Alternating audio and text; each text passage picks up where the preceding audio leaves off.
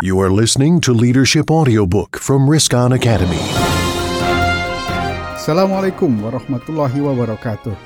Apa kabar rekan-rekan semua? Alhamdulillahirrabbilalamin kita bertemu kembali dalam serial Leadership Audiobook dari Riskon Academy. For the knowledge and information will enhance your leadership to the next level.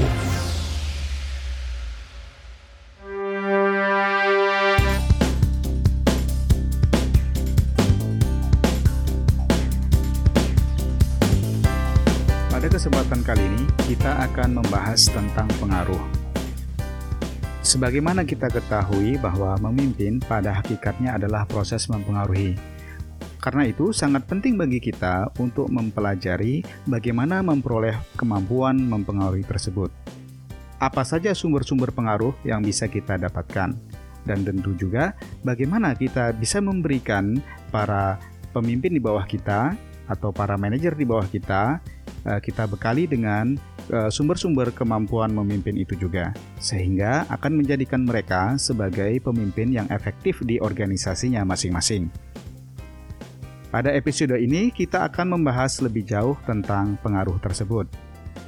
Kemampuan mempengaruhi oleh seorang pemimpin dapat diperoleh melalui apa yang disebut position power. Sumber yang kedua adalah personal power.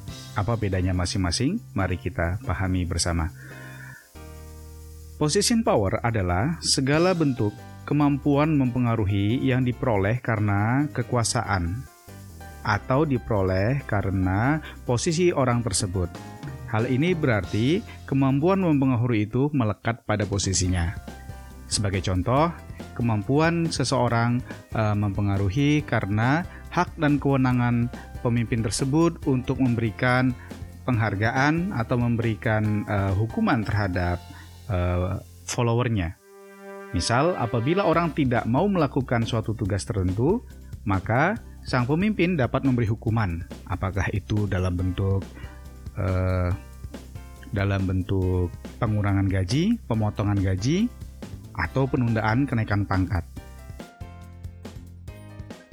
Position power ini bersumber dari segala sesuatu yang bersifat legal formal dalam organisasi. Biasanya ada kewenangan, ada batasan-batasan, eh, dan ada hak-hak yang diberikan organisasi kepada pemimpin. Position power ini diberikan oleh uh, top manajemen kepada uh, manajemen-manajemen di bawahnya, misalkan oleh direksi kepada para GM dan para GM kepada para manajer. Itu adalah position power. Sumber pengaruh yang kedua adalah personal power. Personal power ini yang asalnya adalah dirinya sendiri.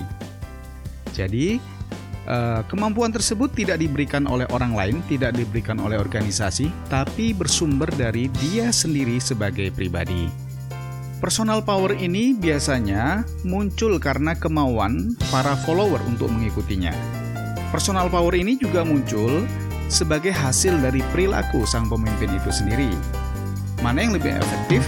Tentu saja sebagai manajer maupun leaders yang baik, seseorang harus memiliki kedua uh, kemampuan mempengaruhi tersebut, yaitu position power dan personal power. Mari kita bahas satu persatu. Sebagaimana telah kita pahami bahwa position power ini diperoleh seorang pemimpin dari posisinya yang diberikan oleh perusahaan. Dalam position power ini ada beberapa sumber kemampuannya untuk mempengaruhi organisasi. Yang pertama adalah legitimasi. Apa yang dimaksud legitimasi? Ini adalah suatu kewenangan formal yang diberikan kepada pemimpin tersebut. Misalkan dalam organisasi Anda, Anda mengangkat seorang supervisor atau seorang manajer baru. Maka legitimasi yang dimaksud adalah suatu bentuk surat atau suatu bentuk keputusan yang Anda berikan kepadanya yang berlaku untuk seluruh organisasi. Demikian juga setelah Anda memberikan surat tersebut atau memberikan uh, penunjukan tersebut, Anda mengumumkan kepada seluruh anggota organisasi tentang pengangkatan uh, supervisor atau manajer baru tersebut. Dalam sambutan Anda, Anda dapat menyampaikan bahwa dia baru saja Anda angkat dan Anda mengharapkan seluruh organisasi di bawahnya uh, dapat mengikuti apa-apa yang menjadi kebijakan atau keputusannya sebagai pemimpin baru. Apabila Anda telah melakukan tersebut, maka Anda telah memberikan legitimasi padanya, dan hal itu akan menjadi sumber kemampuannya untuk memimpin organisasinya. Sumber kemampuan mempengaruhi dalam position power juga uh, biasa disebut reward power. Apa yang dimaksud dengan reward power ini? Reward power adalah kemampuan seseorang mempengaruhi orang lain karena kewenangannya untuk memberi penghargaan. Apabila seseorang tersebut mau melakukan apa yang diperintahkan oleh pemimpin itu. Misal, uh, apabila seorang supervisor mengharapkan agar para stafnya datang tepat waktu dan uh, atas ketaatan dari para anggotanya tersebut, dia mampu atau dia berhak memberikan uh, penghargaan, misal berupa insentif, uh, tambahan gaji atau tambahan bonus pada suatu periode tertentu. Itulah yang disebut dengan reward power. Reward power juga biasanya berkaitan dengan kewenangan seorang pemimpin untuk mempromosikan anggota di bawahnya. Berikanlah reward power ini kepada para supervisor atau manajer Anda agar mereka mempunyai kemampuan memimpin kepada para anggotanya. Misalkan, saat Anda menentukan bonus tahunan atau menunjuk seseorang untuk mendapat fasilitas training atau mendapat fasilitas uh, lain dari organisasi, mintalah pendapat dari para supervisor atau manajer di bawah Anda. Dengan melakukan hal itu, Anda pada dasarnya sedang memberikan kekuatan reward kepada para pemimpin di bawah Anda.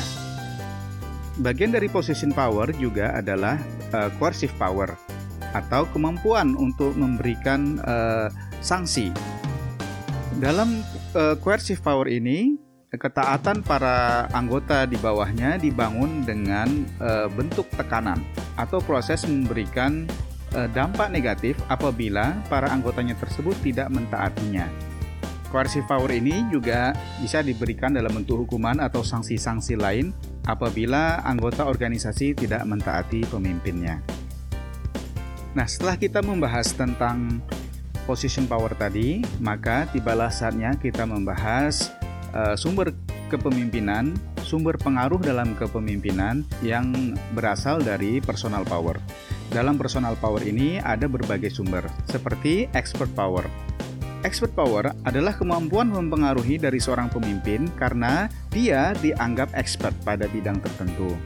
Misal, apabila suatu tim dipimpin oleh seorang ahli teknik mesin dan dan pada saat mengambil keputusan tentang mesin tentu saja para anggota organisasi di bawah pemimpin tersebut akan mengikutinya. Karena mereka tahu bahwa pemimpin tersebut memang ahli di bidang mesin. Expert power ini sangat penting dimiliki oleh seorang pemimpin, terutama dalam hal-hal yang memang membutuhkan pengetahuan khusus atau keterampilan khusus. Dengan menempatkan seorang pemimpin yang memiliki kemampuan uh, ekspertis tertentu, maka para anggota organisasi pun akan mengikutinya dengan sukarela. Sumber berikutnya dalam personal power adalah information power. Apa itu information power? Information power adalah kemampuan mempengaruhi dari pemimpin karena dia dianggap memiliki informasi yang lebih dibanding orang lain. Misalnya tentang bagaimana hubungan organisasinya dengan uh, organisasi lain tentang suatu undang-undang atau hukum yang mengatur organisasinya atau informasi tentang calon customer atau informasi tentang uh, peraturan pemerintah yang mengatur jalannya organisasi tersebut. Karena itu, berikanlah informasi yang dibutuhkan bagi para pemimpin Anda. Karena itu, dapatkanlah informasi-informasi yang mungkin Anda butuhkan untuk memimpin tim Anda. Apabila Anda memiliki pemimpin uh, atau manajer di bawah Anda, lengkapi juga mereka dengan informasi-informasi tersebut, sehingga seluruh anggota organisasi di bawahnya akan bersedia untuk mengikutinya karena menganggap bahwa pemimpin mereka tersebut memiliki informasi yang lebih daripada mereka. Sumber Sumber personal power berikutnya adalah koneksi atau connection power. Connection power ini adalah kemampuan mempengaruhi dari seorang pemimpin karena dia dianggap memiliki koneksi dengan pihak lain yang penting bagi organisasi. Misal, seorang uh, manajer dianggap punya hubungan baik dengan pemerintahan yang menaungi atau mengatur organisasi, pasti akan dianggap lebih berwibawa daripada orang daripada pemimpin yang tidak dianggap punya koneksi kepada uh, pejabat pemerintah tersebut. Demikian juga misalnya seorang pemimpin yang dianggap punya koneksi dengan customer yang penting akan dianggap lebih berwibawa dibanding pemimpin yang tidak punya koneksi apa-apa. Karena itu, apabila Anda berada pada suatu posisi milikilah koneksi kepada orang-orang atau institusi yang dianggap penting bagi uh, organisasi. Dan apabila Anda memiliki pemimpin yang ada di bawah Anda, seperti supervisor atau manajer, berikan juga koneksi tersebut. Bukalah koneksi mereka kepada orang-orang tertentu atau organisasi tertentu yang penting bagi uh, organisasi Anda, sehingga anggota organisasi mereka memandang supervisor atau manajer Anda tersebut memiliki koneksi yang penting dengan pihak-pihak tertentu. Nah, demikian tadi sumber-sumber kemampuan mempengaruhi dari seorang manajer dan leader terhadap anggota organisasinya. Baik bersumber dari Eh, personal power maupun position power sama-sama penting sehingga kita harus memiliki concern untuk membangun kedua sumber power tersebut dan juga membangun atau memberikan sumber-sumber power tersebut kepada pemimpin-pemimpin yang ada di bawah kita. Apabila kita mampu memberikan sumber-sumber kepemimpinan tersebut kepada mereka, mereka pun akan menjadi manajer dan leader yang baik. Semoga bermanfaat. Wassalamualaikum warahmatullahi wabarakatuh. You are listening to Leadership Audiobook from Riskon Academy. Will enhance your leadership to the next level.